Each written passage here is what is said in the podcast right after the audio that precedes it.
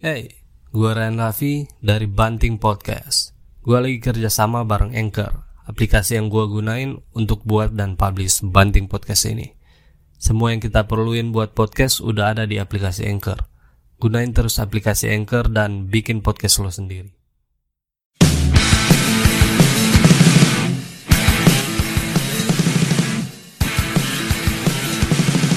Disiarkan secara tidak langsung dan penuh editan. Inilah Banting, baciri tanda penting. Balik lagi di kabar burung setelah beberapa minggu kemarin kita ngobrolin tentang eh, dating apps. Kali ini kita bakal ngobrolin atau bacain topik-topik berita yang lumayan nyeleneh dari media-media yang lumayan besar. Yang pertama, ada berita dari Volkatif. Muncul jenis varian Omikron terbaru, yaitu Omikron siluman. Waduh. Wow. Omikron siluman. Omikron siluman. Still Omikron. Yoi. Bukan Cik Rona. Aduh. Kok Rona kan udah? Cik Rona mungkin. Udah ini, lewat. Ini berarti dia udah Kali ini Omikron upgrade ya. siluman. Upgrade TH. Nggak, kalau di Clash of Clans mungkin upgrade TH.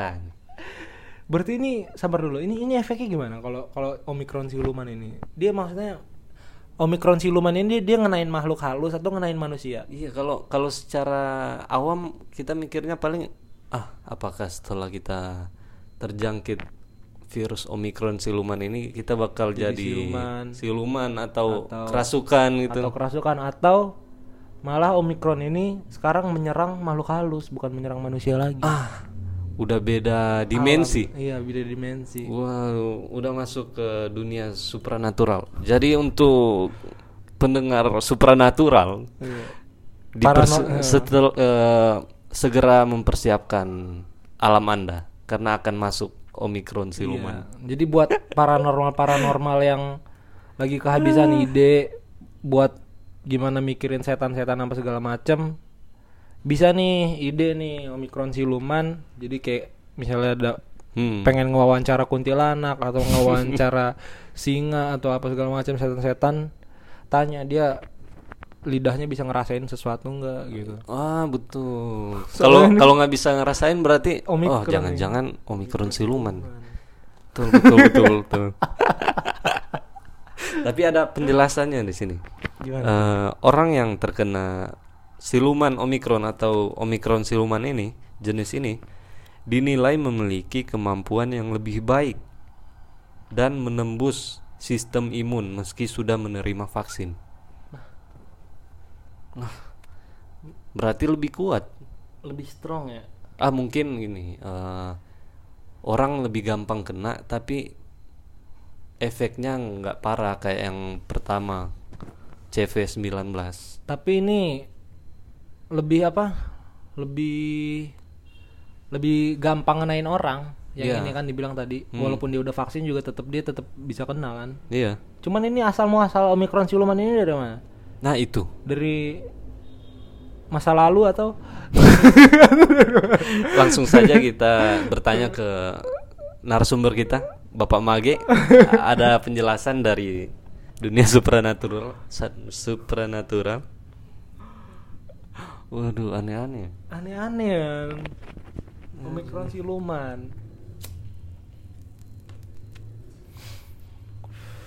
Berarti udah Sabar dulu. maskeran, maskeran 8 lapis, 5 lapis tetap tembus berarti. Karena kan supranatural walaupun berlapis dinding tembus. tembus bisa tembus bisa tembus dinding bisa tembus mobil bisa tembus Iya. tanah bisa tembus pohon tapi yang jadi pertanyaan gue ini omikron siluman ini siapa yang ngasih nama Ah itu. Langsung ditanyakan ke sumber kita. Volkatif. Volkatif. siapa ini ya yang Sumbernya ngasih nama ya omikron siluman Ah tapi ya? ini dari mana ini? Organisasi Kesehatan Dunia. World who who Who? Who? Ya, kita bertanya juga nih. Who? kok jadi bertanya lagi ya Tapi di sini tertulis who. yang melaporkan bahwa omikron siluman itu wah Konyol ya nerima Wu ini patut dipertanyakan sih Hu. Waduh. Omikron siluman. Ah. Mungkin vaksinnya bukan suntik lagi. Oh Tapi- enggak, gue gue gue punya ini, gue punya pikiran bercabang. Apaan? Mungkin ini dinamain serem. Kan omikron kan udah serem dong virus corona ya kan, itu kan udah termasuk corona, udah Mutasinya lah. mutasinya corona. Itu udah serem. Siluman Tambah serem. serem. serem tambah serem sama dengan serem banget. Maksudnya ini supaya orang-orang cepat vaksin ya. tapi tapi ini mungkin vaksinnya bukan suntik lagi. apa dong? Datang ke mage-mage. Datang ke dukun. Anjing. Yo, man. Anjing gila. Memberdayakan mage lokal. Gila. Gila pikiran lu cerdas banget. Gimana cuy? Canggih pikiran lu. Jadi penyembuhannya pakai dengan dukun balik ke masa lalu. gitu. Balik ke zaman dulu ya. Bukan Biar pakai- mereka nggak nganggur. Oh iya, karena sekarang kan kerja kan pada susah. Yoi. Mau kerja di mana ya kan? Kayaknya- Berita berita kemarin aja laut mana tuh? Natuna atau di mana? Oh, kenapa kenapa? Diserang apa? Tentara dari Cina mau ngerebut wilayah laut itu katanya. Terus mage-mage Indonesia berkumpul ingin nyerang. Iya, padahal mereka nggak tahu Cina punya nuklir ya. Enggak sabar dulu, tapi tapi tapi masuk akal pas lu bilang ini pengen memberdayakan dukun-dukun lokal. Karena memang kan sekarang kan lapangan pekerjaan kan juga susah. Mm-mm. Lagi Covid lagi naik-naiknya, orang pada di PHK apa segala macam. Ya jalan satu-satunya ya jadi dukun. Ya, Pemerintah bisa jadi. Keren ya pemikirannya ya. Oke. Oke juga. sekolah juga kan online apa segala macem ilmu nyerap paling cuma ke ber- berapa persen dan sebagian kecil orang yang bisa nyerap ilmu dengan ya kita ini juga banyak masalah jaringan masalah device-nya yang juga nggak terlalu memadai atau gimana ada juga orang yang nggak mampu ya nggak punya HP apa segala macem ya jalan satu-satunya ya jadi dukun Oke. kalau kalau mau survive di era ini Oke, mari kita bertapa di gunung. Mari kita Oke. ke gunung. Oke, kita OTW. Lanjut ke berita berikutnya. Ada kasus unik nih. Eh, kita biasakan kalau ngapel bawa makanan atau apa gitu, hadiah Iya, buat iya, buat dikasih orang rumah si cewek atau cewek itulah. Hah, Tapi kasus baru-baru ini beda cuy. apa tuh Karena kemarin si Putin nggak dapat minyak goreng pas beli di Alfamart atau di Indomaret. apa midi Ah, karena nggak bawa kakak sama kartu vaksin. Kali ini ada cowok yang ganteng membawa minyak goreng ke rumah pacarnya saat ngapel. Waduh, itu critical hit mind ke- blowing iya, cuy. ke hati ibunya anjrit nih anak pengertian banget sama keadaan Si ibunya udah lama ngantri nggak dapet. Tiba-tiba si cowok ngapel bawa bawa minyak goreng. minyak goreng. Anjing, gila. Udah lo langsung jadi menantu gue besok. luar biasa. langsung direstuin tuh. Yo, itu politik cowoknya keren ya? Iya, dia belajar ilmu politik di mana? Sama Lenin mungkin. wow wow. Lenin Nurmagomedov. gila. Dia menyentuh hati ibunya dengan metode pendekatan primer karena kan Yo, itu bahan iya. masakan ya. Sandang pangan papan. Nah, pangan ya. Metode pangan. Yoi. bukan martabak tapi pangannya bahan ini. Uh, dia belajar mungkin gold glory gospel. Nah. yang dia pelajari goldnya itu. Dan rempah-rempahnya itu. Nah iya. Anjing. Luar biasa. Cowok ini kita beri applause luar biasa kita lanjut ke negeri Vrindavan Vrindavan Yoi, di sana menurut CNN Indonesia ada seorang pria tewas setelah saling gigit dengan ular. Waduh, saling gigit, loh. Dikira ular ini nggak punya bisa apa gimana? Sabar dulu, emang itu ularnya apa? Ya kita asumsikan piton lah ya. Kalau piton nggak punya, nggak punya bisa piton. Eh, Kobra tapi yang punya. oh iya, Kobra. kalau piton ngelilit ya. Iya. Piton tuh bisa dimakan. Oke, kobra kalau gitu. Kobra, kobra. Ditantang loh, saling gigit. Di sini tertulis saling gigit. Waduh. Dia lagi ini kali lagi imajinasinya lagi tinggi kali. Terus dia Mungkin aku adalah ular. Langsung kayak gitu kali ya. lagi high highnya gitu ya. Waduh. Tapi orang segoblok-goblok atau semabuk-mabuknya orang nggak mungkin ngajak gigit atau berkelahi mulut dengan ular kan? Sabar dulu, ini dia ketemu ularnya di mana? Nah itu. Ini dia ketemu ularnya di mana? dijelaskan di mana. Terus ini saksinya siapa? Terus ini gimana cara media ngeliput pria gigit-gigitan sama ular ini? Oh tapi ini ada dijelasin. Nggak mungkin nggak mungkin Panji. dong. Awal nggak mungkin dong. Yoi, kan di negeri Vrindavan. Oh, Vrindavan. Pakai tangan goreng minyak. Iya. Yoi. Jadi kronologi awalnya seperti ini. Eh, awal mulanya Hmm. si lelaki ini duduk duduk santai lah Duduk di santai. teras rumah. Ya. Terus ada ular lewat Hmm. matok kakinya. Ular lewat matok kakinya dia lagi duduk di teras. Yoi, mengganggu vibe yang lagi chill ini. Oh, dia lagi nyenja kali ya. Yo, man. Nyenja. Merasa terganggu mungkin. Anjrit apaan nih ngegigit gua. Dia pikir gua nggak punya gigi apa ya? Yoi, Gua gigit balik lu. Help. mati. Mati. Waduh. Sangat disayangkan ya. Ini pesen sih buat eh, mungkin infrastruktur ya buat lebih di bangun lagi supaya nggak ada. Infrastruktur biar ular nggak berkeliaran ya. Ini nggak mungkin kota dong. Eh bisa jadi kota, bisa, bisa jadi, jadi. bisa jadi di selokan-selokan gitu ada ular kita nggak tahu ya, kita Iya, nggak iya, pernah iya. tahu. Atau ya paling ini juga di desa, ya kan? Berarti awal mulanya ini masalah ketersinggungan antara manusia dan hewan. Dan hewan, bener, bener. Waduh. Bisa jadi hewan ini sebenarnya marah karena alamnya diganggu, Iya. yang pada akhirnya bikin si ular ini nyari masalah.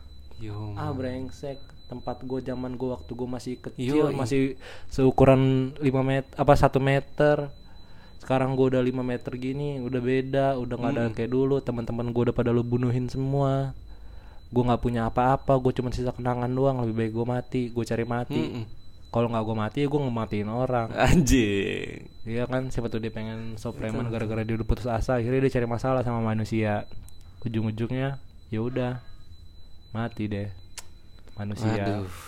karena nggak ada keseimbangan. Ya, mungkin kalau waktu itu si laki-laki ini bawa sajam ya mungkin aja bisa Dipotong. di- dipotong. potong palanya tapi tapi tapi ular walaupun dipotong palanya ular tuh palanya masih bisa masih bisa gigit masih bisa apa segala macam Uh, ngeri juga. kan pernah ada kasusnya chef eh Motong pala ular. motong pala ular pengen dimasak nih ularnya gue nggak tahu itu di, di daerah atau di negara mana chef pengen masak ular palanya dipotong abis itu oh enggak. Kalau mau motong ular tuh mulutnya harus diikat dulu dan nggak boleh dilepas sampai beberapa Kurang menit atau juga ya.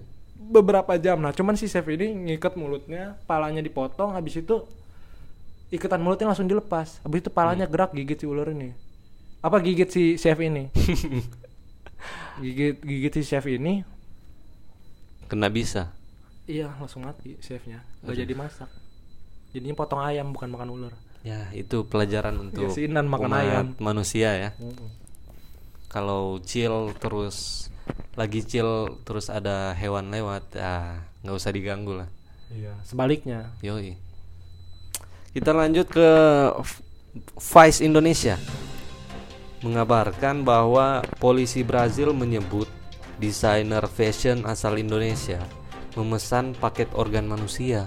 dari Nggak tahu dari mana, tapi ini Polisi polisi, Brazil. menyebut desainer fashion asal Indonesia. berarti kita asumsikanlah dari Brazil lah. Amerika Latin ya Hmm. dari Brazil ya Iya.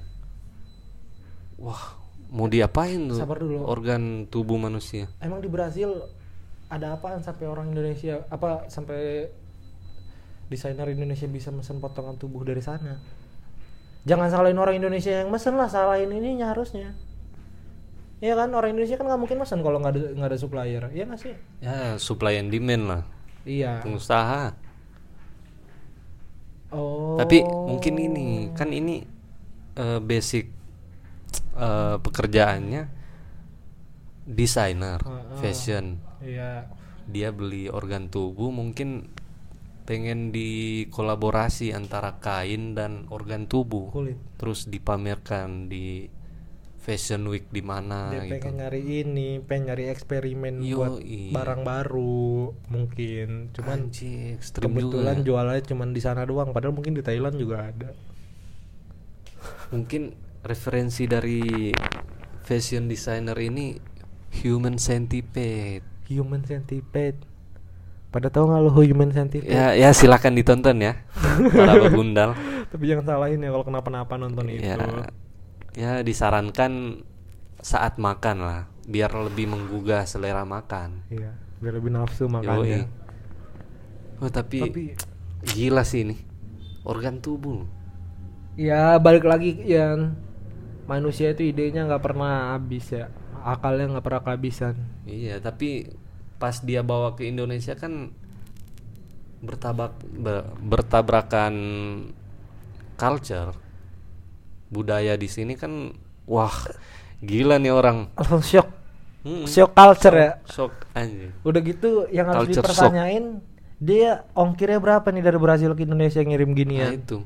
Pakai JNE JNT Bisa internasional. Oh kurang tahu. Cuman nggak tahu berapa harganya mungkin pakai ini jasa pengiriman internasional mungkin. Iya Kapal kargo.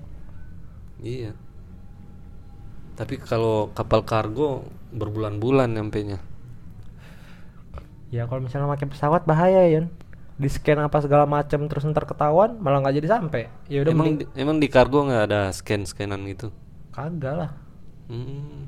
Kagak, kalau kalau dari kapal nggak aman kalau dari kapal. Cuman gue bukannya buat gue ngasih tahu terus lo dapat sela ya. Cuman pengalaman ini doang. Pengalaman naik kapal doang. Enggak, nggak ada apa-apa kalau dari kapal.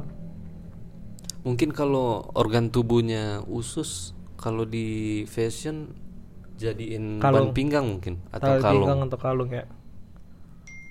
Kalau ikat pinggang kayaknya enggak dah. Gue nggak mau beli kalau misalnya itu usus. Kalau misalnya kalung masuk akal.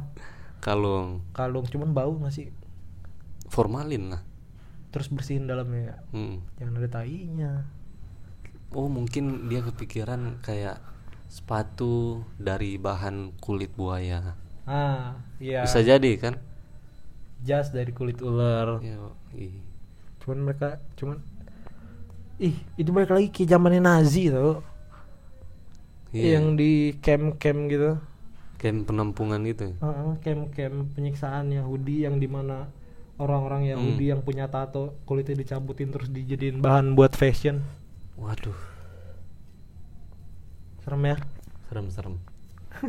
Oke, untuk yang penasaran eh, referensi film tadi Human Centipede bisa dicari di eh, website ilegal bajakan bajakan Hmm. untuk nonton film film-film bajakan sangat direkomendasikan karena berkaitan dengan topik terakhir ini.